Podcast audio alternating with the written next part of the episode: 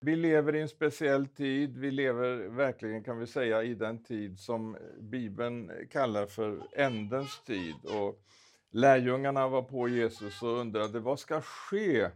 Vad ska ske? Eh, eh, vad blir tecknet på din återkomst och den här tidsålderns slut? Och vi ser på område efter område, det som Jesus talar om, det har verkligen Eh, Eh, eh, det går i uppfyllelse och jag skulle vilja säga att de två sista åren på ett alldeles speciellt sätt har varit eh, en markör. Det har gått så oerhört fort. Både så att säga i, i den stora världen, vi ser liksom hur det här ondskan verkligen stegrar sig på det sättet att vi ser det blossar upp krig här och krig där. Och, och, och nationer mot nationer, folk mot folk, eh, eh, gäng mot gäng. Eh, och, och, och, liksom i alla möjliga mänskliga relationer så märker vi att eh, det finns liksom eh, en ondska och ett hat som sprider sig. Och vi, vi, vi representerar ju ett annat rike, vi som är Guds folk. Och, och vi, repa, vi representerar honom som, som är kärleken. Och det är klart att det blir liksom kontraster och, och, det kommer att ske saker och ting. Och det står till och med att vi kommer att bli hatade av alla folk för hans namns skull. Eh, och, och, det som sker vi, också i den kristna världen Eh, Eh, så ser vi, det har gått väldigt fort de två sista åren, liksom i det här avfallet och avvikelsen bort ifrån det som är Guds ord. Jag säger inte så att det sker överallt, men eh, eh, det finns trender som verkligen visar att kulturen påverkar mycket mer och det som så att säga är den, den majoritetsuppfattningen där ute det sipprar också in i, i den kristna församlingen. Men vi ska inte vara en medkultur, vi ska vara en motkultur mot det som den här världen representerar. Vi är i världen, men vi är inte av världen. Då är det så att eh, när vi är här så är vi inte utlämnade utan Gud har sett till att vi får utrustning och vi får vapen som vi kan använda för att liksom möta allt sammans detta. Och jag är själv förvissad om att Gud vill göra stora ting i det här landet. Så oavsett vad som sker, hur fienden aktiverar, så vet vi att Gud sitter på tronen. Och, och det, det, han, vi är hans folk vi är hans tjänare för att utföra hans uppdrag. Och det står bland annat då i den profetia som jag har citerat, eller det som är Jesu tal här när, när lärjungarna ställde de här frågorna, Matteus 24, så säger Jesus att detta evangelium, ska, detta evangelium om riket, vem är kung i Guds rike? Det är Jesus. Detta evangelium om riket ska förkunnas i hela världen till ett vittnesbörd för alla folk. Sen ska slutet komma. Och Det talar till mig om att eh, det är inte liksom en, en eh, eh deprimerad, ihopsjunken, eh, trött församling som han kommer att hämta, utan han kommer att hämta ett folk som har brinnande hjärtan och, och som, som så att säga är redo för att möta brudgummen när han kommer. Och eh, Jag tänkte nämna lite grann här idag om ett av de här vapnen som vi har fått. Eh, vi, vi, har annonserat här i veckan att vi ska ha bön och fasta onsdag, torsdag, fredag. Och Det är naturligtvis så att det är ingen som är tvingad att vara med på det.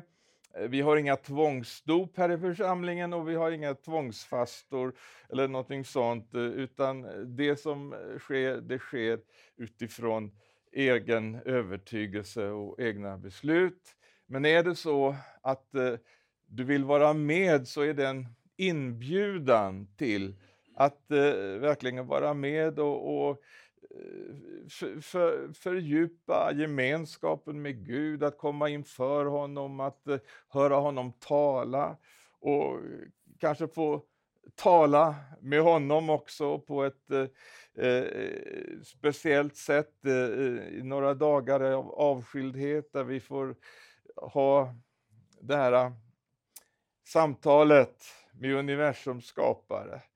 Och framförallt det här att vi liksom i början av året här eh, som ger det första.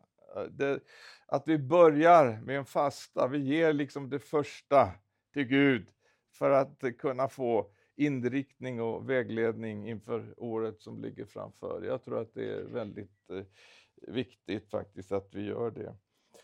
Eh, och Eh, jag, jag, vill citera någonting som eh, en, en broder som heter, eh, han är pastor, Harry Andersson, eh, skrev just om detta med fasta. Han, han skrev så här att eh, vad som är viktigt att minnas för den som går in i bön och fasta är att vi aldrig kan förtjäna något från Gud. Vi kan heller inte tvinga Gud att göra det vi önskar. De välsignelser vi kan uppleva under bön och fasta är gåvor av nåd, inte något vi vinner genom självförsakelse.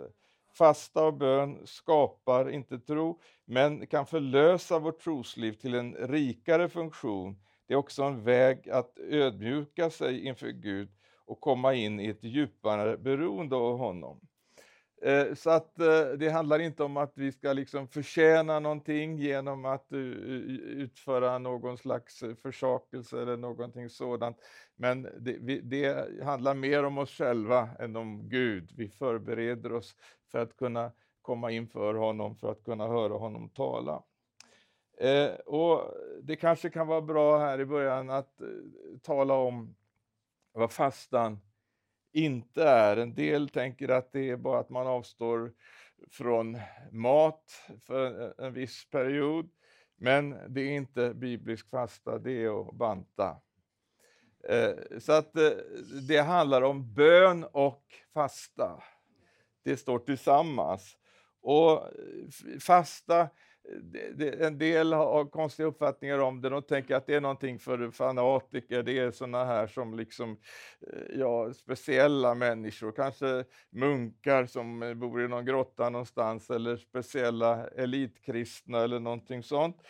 Eh, men det är faktiskt någonting som vi har fått för, för, för att vi var och en ska kunna göra det här.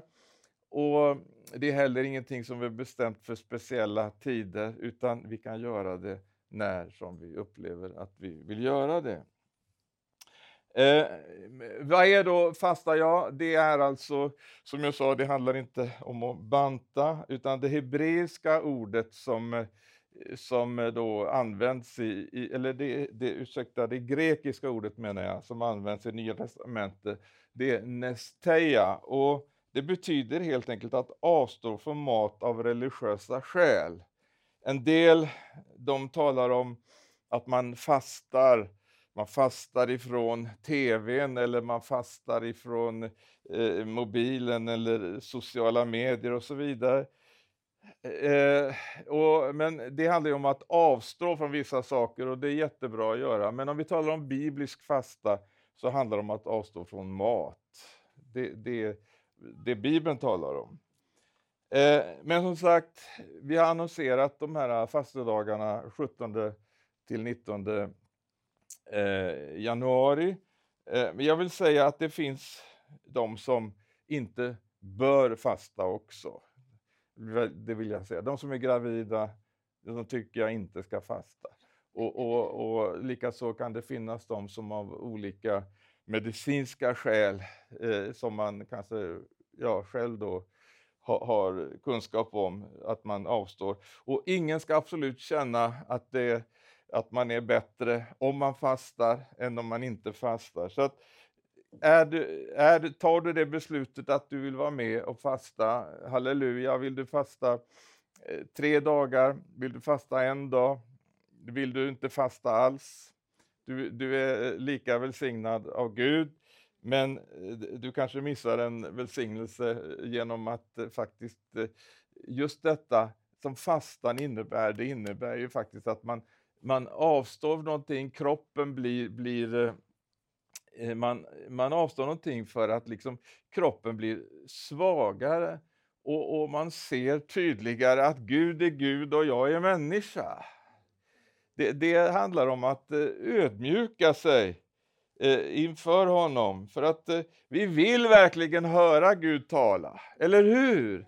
Vi, vi, måste få orientering i den här tiden eh, där, där, det är så förvirrat. Va? Vi behöver höra Guds röst och då är det så fantastiskt eh, att vi kan eh, då göra det gemensamt på det här sättet.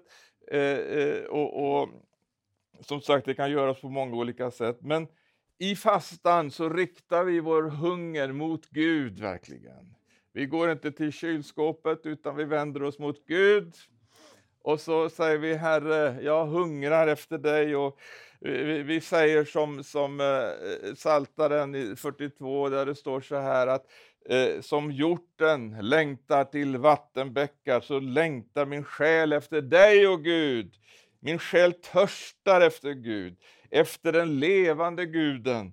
När får jag komma och träda fram inför Guds ansikte? Så att eh, fastan den leder oss eh, in i en djupare intimitet med Gud om vi avskiljer tid och eh, på det sättet. Men det ger också en djupare glädje. Det, det, är faktiskt, det finns en väldig glädje i detta. En del tänker på att det fastnar, oh, det, det är någonting jättesvårt och så vidare. Och, och då ska man eh, ja, sitta i aska och ha aska i håret och, eh, och man, ska, man ska vara riktigt sorgsen. Men eh, faktum är att eh, det finns en väldig glädje, man, man upplever att det är en väldig frigörelse i det.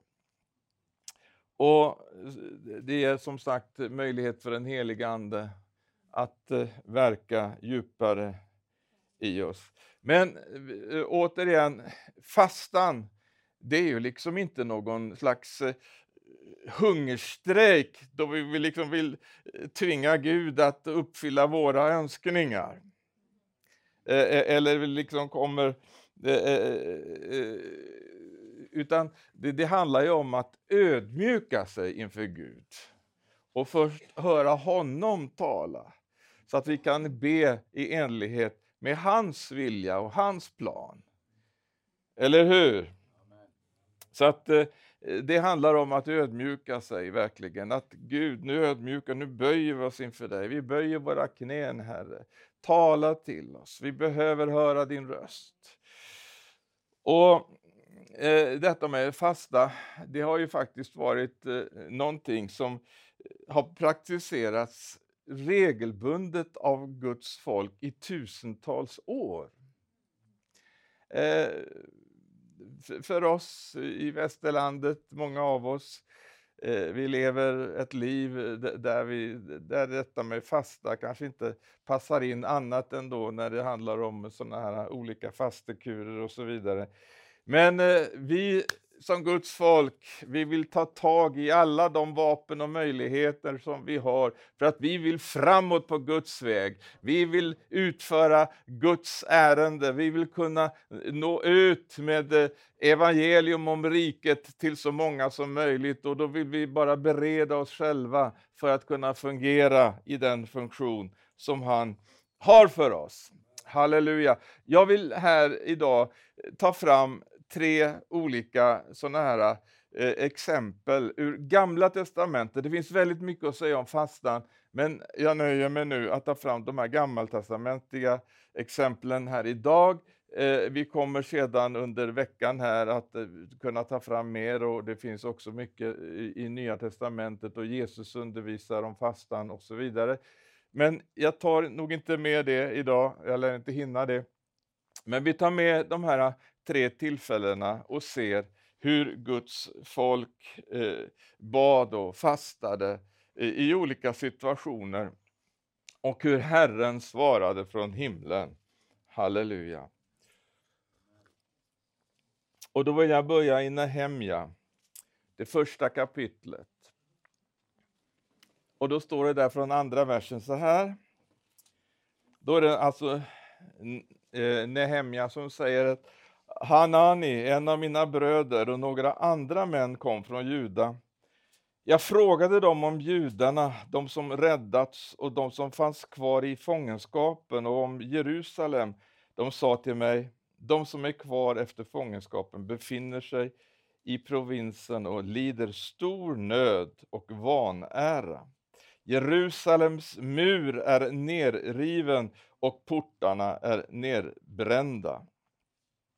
När jag hörde detta satte jag mig ner och grät. Jag sörjde i flera dagar och fastade och bad inför himlens Gud. Här ser vi alltså att eh, Nehemja han eh, verkligen drabbas av en hjärtenöd när han får höra hur det är ställt med eh, Guds folk och med Jerusalem. Och vi har ju talat här ett, ett antal tillfällen om, om församlingen och plockat fram de här äh, gammaltestamentliga förebilderna om äh, templet och, och, och, Jerusalem och hur det liksom förebildar församlingen i Nya testamentlig tid. Och äh, det finns verkligen en situation om vi överför detta som hade skett med Jerusalem vid det här tillfället när rapporterna kom. Vi har väl sannerligen hört rapporter idag som har gjort att eh, vi känner, åh Gud, vad är det som händer? bland ditt folk i det här landet. Vi har liksom känt den där nöden, inte, inte någon slags eh, högmod eller någonting att eh, vi är bättre än någon annan eller någonting sådant, utan vi har känt det där verkligen, Gud, vi behöver ödmjuka oss inför dig, vi behöver söka ditt ansikte. Och här hade vi verkligen en, en sån situation då. En, en, här har vi Nehemja, han får rapporterna och det står att han fastar och bar inför himlens Gud. Och jag sa, O Herre, himlens Gud, du stora och fruktansvärde Gud, som håller fast vid förbundet och ger nåd åt dem som älskar dig och håller dina bud. Låt ditt öra lyssna och dina ögon vara öppna, så att du nu hör din tjänares bön. Dag och natt ber jag till dig för Israels barn, dina tjänare, och bekänner de synder som vi, Israels barn, har begått mot dig. Alltså med andra ord, han säger inte att de har syndat och de har, gjort en massa eh, som är fel och de har brutit din lag, utan han säger vi. Han gör sig ett med, med hela folket. Och, och, Det tror jag vi ska göra också. Vi, vi, ska inte peka på några andra, utan vi ställer oss fram inför Gud eh, i, så, som representanter för hans folk i det här landet. Och så ropar vi som Nehemja, vi har syndat mycket mot dig och inte hållit fast vid den bud och stadgar och lagar som du gav din tjänare Mose. Men tänk på det ord som du gav din tjänare Mose när du sa, om ni är trolösa så ska jag skingra er bland folket. Men om ni vänder om till mig och håller fast vid mina bud och följer dem, då vill jag, även om de vore fördrivna till himlens ände, samla er därifrån och föra er till den plats som jag utvalt för att låta mitt namn bo där.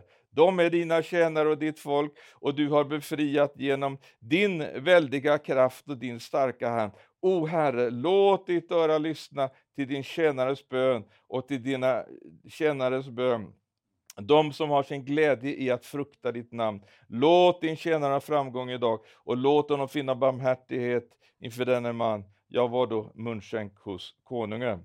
Eh, det, det, är intressant också det han säger, eh, han citerar här från Guds löften, att eh, om de så att säga eh, var trolösa mot Herren, ja då skulle de bli fördrivna.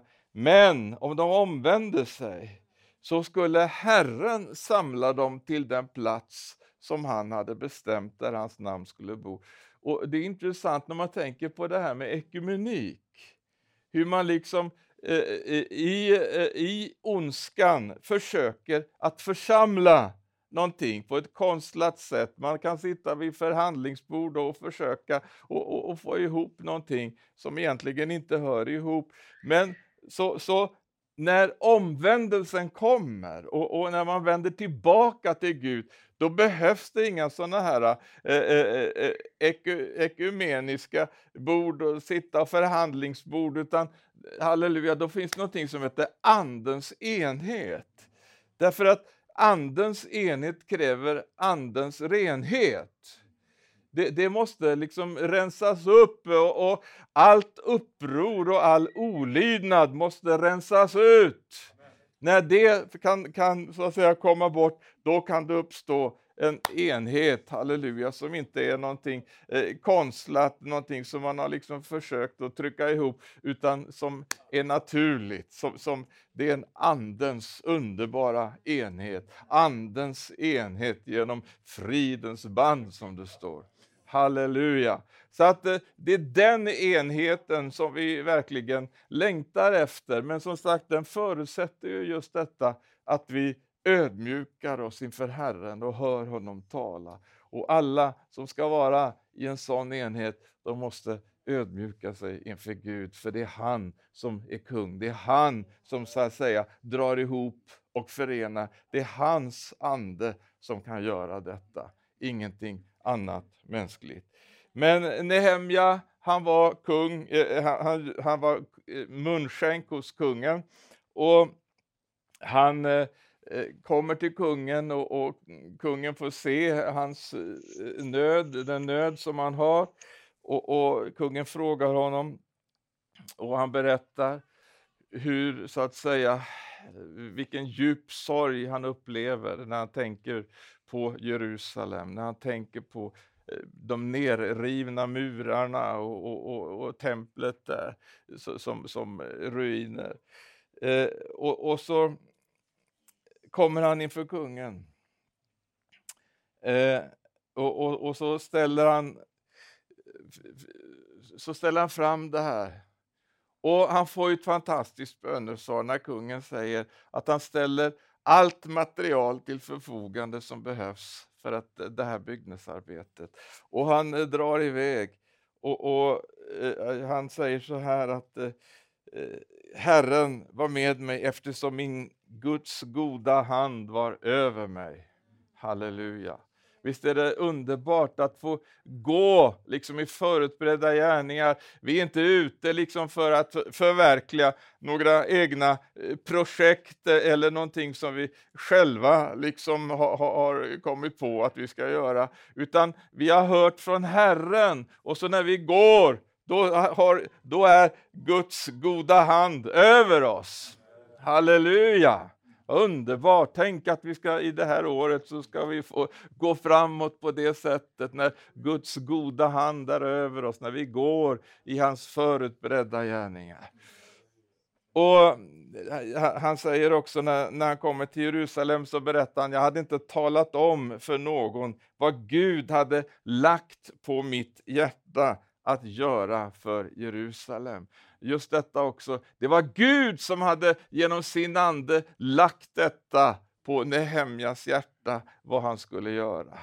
Och det var därför han var med honom i det här arbetet. Och sen kan vi läsa hela Nehemja och se, eh, det var både kamp och strid, men det var också underbara segrar. Och man ser dag för dag så liksom växer muren på höjden. Och, och man, eh, alla dessa som eh, så att säga hör den här eh, kallelsen, det som Nehemja hade i sitt hjärta, det fortplantas hos alla de här som lyssnar till det som han liksom bär fram av den vision, det som Gud hade gett honom. De lyssnar och så kommer de och så är de med och så tar var och en sin plats på muren och så är de med och bygger upp igen det som hade blivit ner rivet. Halleluja!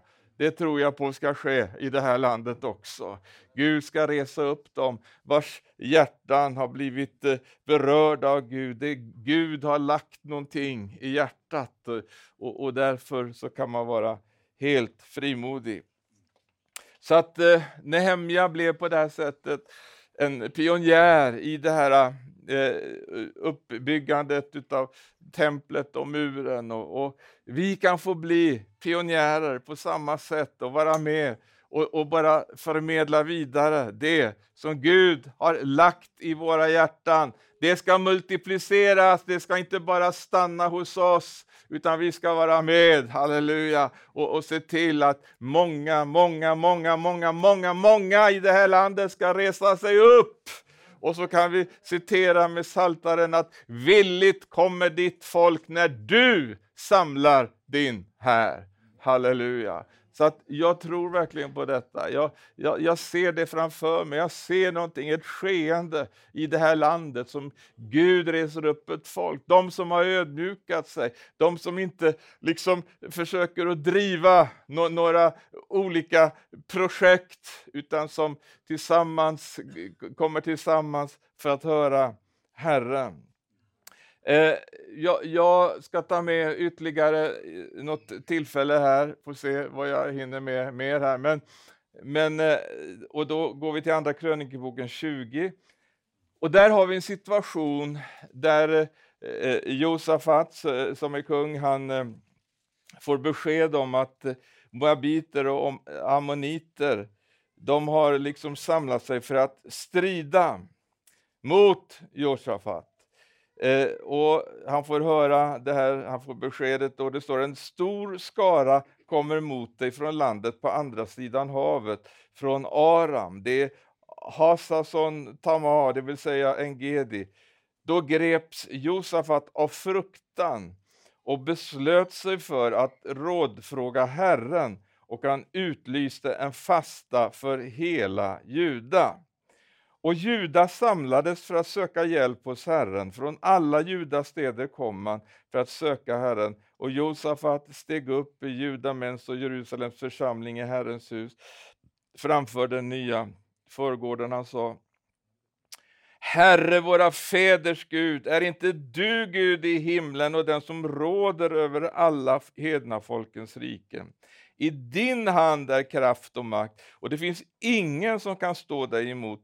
Var det inte du, vår Gud, som fördrev detta lands invånare för ditt folk Israel och gav landet åt din vän Abraham, efterkommande för evig tid? De bodde där, de byggde där en helgdom åt ditt namn och sa om något ont kommer över oss, svärd, straffdom eller pest eller så här, så vill vi träda fram inför detta hus och inför ditt ansikte, för ditt namn är i detta hus, och vi vill ropa till dig ur djupet av vår bedrövelse, och du ska då höra och hjälpa. Och, och se folket från Ammon, Moab och Seis bergsbygd, det var deras område, du inte lät Israel gå igenom när de kom från Egyptens land, utan de tog en omväg bort från dem och förgjorde dem inte. Se hur, hur de nu lönar oss. De kommer för att driva bort oss från din besittning som du har gett oss till arvedel. Ja, din besittning som du har gett oss till arvedel. Ska inte du, vår Gud, hålla dom över dem? Vi förmår ingenting mot denna stora skara som kommer emot oss och vi vet inte vad vi ska göra. Vi vet inte vad vi ska göra. Har du känt så någon gång? Nu vet jag inte vad jag ska göra. Men så står det här. Vi vet inte, men våra ögon är vända till dig. Ungefär så. Hela Juda stod inför Herren med sina små barn, sina hustrur och söner. Då kom Herrens ande mitt i församlingen. Vi vet inte vad vi ska göra. Men då kom Herrens ande mitt i församlingen. Visst är det väl underbart? Halleluja. Över Jahasiel, son till Sakarja, son till Benaja, son till Jegiel, son till Matanja, en levit från, av Asafs söner. Han sa, lyssna! Halleluja, nu är det den heliga Ande som talar genom eh, Jahasiel. Lyssna alla ni i Juda och ni Jerusalems invånare och kung Josafat. Halleluja. Han träder upp. Lyssna kungen här nu. Det, det, det är den frimodighet som den heliga Ande ger. Så säger Herren till er, var inte rädda eller modlösa inför denna stora skara, för striden är inte er utan Guds. Gå imorgon ner mot dem. De drar då upp till Hassisbacken och ni ska träffa dem på dal, där dalen tar slut framför Jeruels öken. Men då är det inte ni som ska strida. Ni ska bara stiga fram, stå stilla och så ska ni få se Herrens frälsning. Ni ska stiga fram, stå stilla, se Herrens frälsning. Halleluja. Vi vet inte vad vi ska göra, men Herren vet. Han har en strategi. Och det handlar inte om att striden är vår, utan det är hans. Vi bara ställer, vi bara hör vad anden säger. Den som har öron, han hör vad anden säger. Vi stiger fram, vi backar sannerligen inte, vi stiger fram. Vi intar vår plats. Vi står där stilla och så inväntar vi Herren, vad han ska göra. Och han är med er, ni från Juda och Jerusalem. Var inte rädda eller modlösa. Gå imorgon ut mot dem och Herren är med er. Då böjde Josafat eh, sig ner med ansiktet mot marken och alla judamän och Jerusalems invånare föll ner inför Herren och tillbad Herren. Och de leviter som hörde eh, till eh, Kehatiternas och Koraiternas folk stod upp och lovade Herren, Israels Gud, med hög och stark röst. Tidigt nästa morgon gick de ut till Tekoas öken och när de drog ut steg Josafat fram och sa Hör mig, ni av Juda och ni Jerusalems invånare, stå fasta i tron på Herren er Gud, så består ni. Lita på hans profeter, så lyckas ni. Och sen eh, när han hade då rådgjort med folket så står det att han ställde upp sångare. Kan du tänka dig vilken märklig här. Det var inte liksom stridsvapen utan han ställde fram leviterna, sångarna längst fram. Och de skulle prisa Herren i helig skrud medan de dog fram för, framför den beväpnade Herren. Och de skulle sjunga Tacka Herren, evig är hans nåd. Tacka Herren, evig är hans nåd. Tacka Herren, evig är hans nåd. Och, och de bara fortsätter och fortsätter och fortsätter. Och när de började sjunga och lova lät Herren ett angrepp komma bakifrån på folket från Ammon, Moab och Seis bergsbygd som, som hade kommit mot Juda och de blev slagna. Folket från eh, Ammon och Moab reste sig mot folket mot Seis bergsbygd för att förinta och förgöra dem. Och när de gjort slut på folket från Seis hjälptes de åt att förgöra varandra. Sånt händer när Guds folk söker Herrens ansikte. Därför att han har all makt. Vi kan vara väldigt eh, utlämnade ibland. Vi vet inte vad vi ska göra. Men Herren har alltid en strategi för sitt folk. Och det är därför vi frimodigt träder fram inför honom och vill lyssna in. Herre, hur gör vi? Och så kommer uppenbarelse, ljus och så ser vi. Och, och, och, då får vi också den här frimodigheten. Då kan vi tala liksom eh, så, som Jehasiel här eller, eller eh, någon annan. Lyssna! Hör på mig alla, för nu är det Herren som talar genom mig. Alltså eh, den frimodighet som den helige Ande ger när man bara vet att man vet att man vet att man har hört från Herren. Amen. Jag ska ta med ett exempel till här, eh, lite kort på slutet här bara. Och Då är det Joel, det andra kapitlet, den tolfte versen. Eh, så står det så här, men nu säger Herren, vänd om till mig av hela ert hjärta med fasta gråt och klagan. Riv sönder era hjärtan, inte era kläder. Och vänd om till Herren er Gud, för han är nådig och barmhärtig, sen till vrede och stor i nåd och han ångrar det onda. Alltså, här var en situation, en krissituation. Vi hinner inte gå in på det, men i verserna innan, om du vill läsa i Joel, det andra kapitlet, de första verserna, då ser du att det var ganska eh, tumult. Det, det, var ja, allvarligt, verkligen.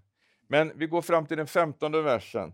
Blås i basun på Sion, pålys en helig fasta, utropa en helig sammankomst, samla folket, helga församlingen, kalla samman de äldste, samla de små barnen, också de som diar vid bröstet. Låt brudgummen komma ut ur sitt rum och bruden ur sin kammare. Låt prästerna, Herrens tjänare, gråta mellan förhuset och altaret och säga Herre, skona ditt folk och låt inte din arvedel hånas och bli en nidvisa bland hedna folken. Varför ska det får sägas bland folken, var är deras Gud? Då fylldes, her, då fylldes Herren av lidelse för sitt land och han förbarmade sig över sitt folk. Herren svarade och sa till sitt folk, se, jag ska sända er säd och vin och olja så att ni blir mätta och jag ska inte låta hedna folken håna er längre. 23 versen. Det är mycket bibelläsning här idag, eller hur? Ni älskar Bibeln. Jubla, ni Sions barn, gläd er i Herren, er Gud, för han, är, han ger er läraren till rättfärdighet. Han ska sända er rikligt med regn, både höstregn och vårregn som tidigare. Så ska tröst, tröskplatserna fyllas med sed och pressarna flöda över av vin och olja. Vi vet att det här är underbara symboler på andliga välsignelser som Herren har för oss med vinet och oljan. Jag ska gottgöra er för åren som åts upp av gräshopporna och gräsbitarna och gräsätarna och gräsknagarna. Ja, det sannerligen, det har varit ett gnagande, eh, eh verkligen, vi har känt liksom hur, hur, hur det liksom har ätits upp. Va? Men, men Herren ska gottgöra, står det här. Halleluja, jag ska gottgöra er. Eh, eh, eh, den stora här som jag sände mot er, nu, ni ska få äta och bli mätta. Ni ska få lova Herren i Guds namn, han som har handlat så underbart med er, och mitt folk ska aldrig mer komma på skam. Ni ska förstå att jag är mitt i Israel. Jag är att jag är Herren är Gud och ingen annan och mitt folk ska aldrig mer komma på skam. Och det ska ske därefter. Vadå?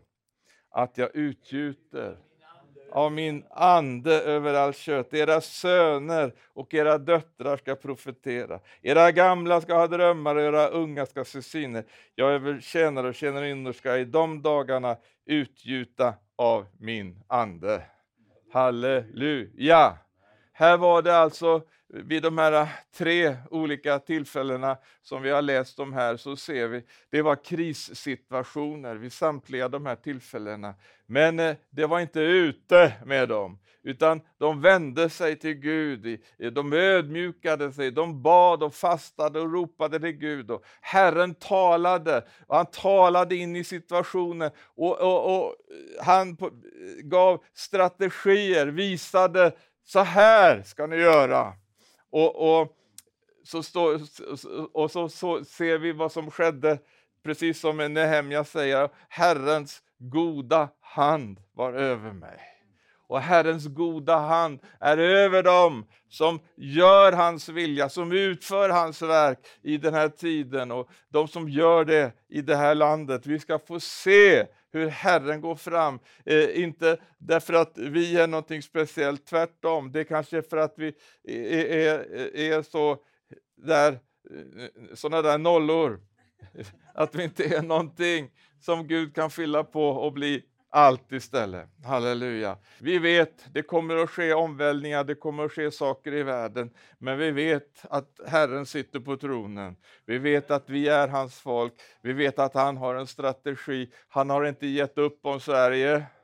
Han har inte gett upp om Sverige, utan han håller på att resa upp ett folk halleluja, som vi hör eh, den här tonen, den här kallelsen. Eh, Herren lägger ner i hjärtat den här längtan att få vara med och tjäna honom eh, och bli rustad från himlen för att utföra hans verk.